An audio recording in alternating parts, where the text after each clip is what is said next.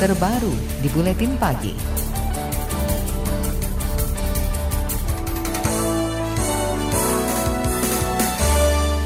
Presiden Joko Widodo menerbitkan peraturan pemerintah tentang pencegahan tindak pidana terorisme dan perlindungan terhadap aparat penegak hukum untuk memperkuat program deradikalisasi. Menurut peraturan itu, program deradikalisasi wajib dilakukan kepada bekas narapidana terorisme serta orang atau kelompok yang terpapar paham radikal terorisme. Peraturan itu juga merinci empat orang atau kelompok yang rentan terpapar paham radikal terorisme, yakni memiliki akses terhadap informasi radikal terorisme, memiliki hubungan dengan orang atau kelompok orang yang diduga memiliki paham radikal terorisme, memiliki pemahaman yang mengarah pada paham radikal, dan memiliki kerentanan dari aspek ekonomi, psikologi, atau budaya. Dalam peraturan ini, BNPT bertugas menjadi koordinator dari Kementerian Lembaga untuk program deradikalisasi, kesiapsiagaan nasional, serta kontra radikalisasi. BNPT juga menjadi pusat analisis dan pengendalian krisis, termasuk pemegang data dan informasi terkait radikalisme. Badan Nasional Penanggulangan Terorisme BNPT mengklaim penerbitan peraturan pemerintah tentang pencegahan tindak pidana terorisme ini dapat mencegah tindak pidana terorisme lebih komprehensif. Direktur Penegakan Hukum BNPT Edi Hartono mengakui tidak mudah menghilangkan paparan paham radikalisme di masyarakat. Ia mengklaim deradikalisasi memerlukan waktu yang panjang dan tidak instan. Dulu itu kan secara legalitas itu derad itu dilaksanakan hanya ketika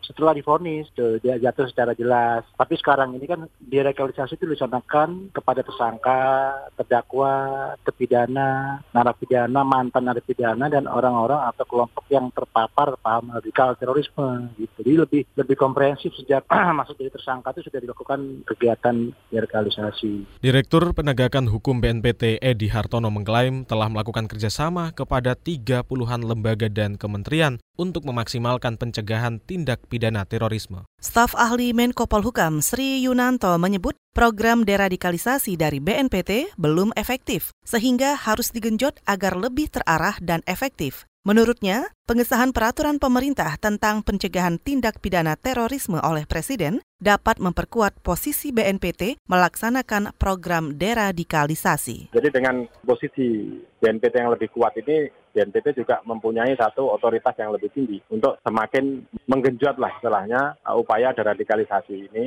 Ya, karena memang dengan upaya yang lebih dulu, yang dulu sudah dilakukan itu kan ternyata masih banyak dalam survei-survei ditemukan uh, berkembang paham-paham radikal di berbagai tempat. Staf ahli Menko Polhukam Sri Yunanto menambahkan, pemerintah juga harus menggenjot upaya pencegahan radikalisme. Selama ini, program deradikalisasi dari Badan Nasional Penanggulangan Terorisme atau BNPT dinilai hanya menyasar narapidana teroris, bersifat reaktif dan belum maksimal. Sementara itu, psikolog forensik dan klinis Cassandra Putranto menilai program deradikalisasi seharusnya dilakukan sejak awal sebelum terduga teroris mendapat vonis. Cassandra menduga BNPT belum memiliki data statistik terkait jumlah orang yang mengikuti program deradikalisasi termasuk tingkat keberhasilannya. Menurut saya masih sangat kurang dan jarang sekali program pencegahannya. Dalam hal ini tentu saja harus dilakukan atau harus diadakan program-program yang sifatnya betul-betul menyentuh. Nah persoalannya adalah BNPT harus bisa merangkul, mengajak bekerja sama secara simultan kementerian-kementerian kementerian tadi yang termasuk. Karena saya yakin apabila BNPT berdiri sendiri pasti akan sulit. Cassandra menegaskan saat ini BNPT belum melaksanakan program deradikalisasi secara komprehensif dengan melibatkan kementerian serta lembaga lain. Terbitnya peraturan pemerintah tentang pencegahan tindak pidana terorisme, kata Cassandra,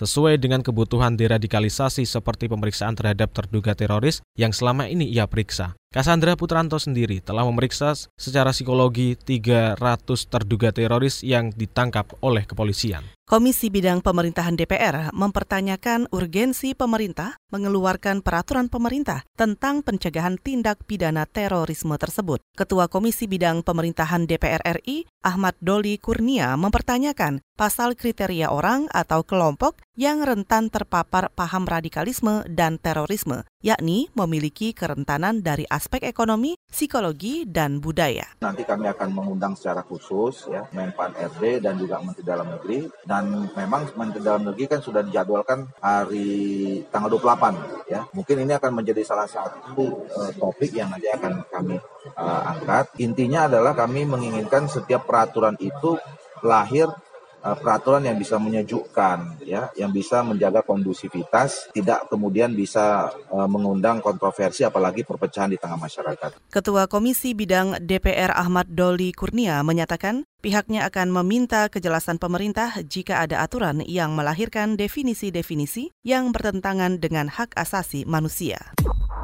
Anda tengah mendengarkan KBR, radio berjaringan yang berpredikat terverifikasi oleh Dewan Pers.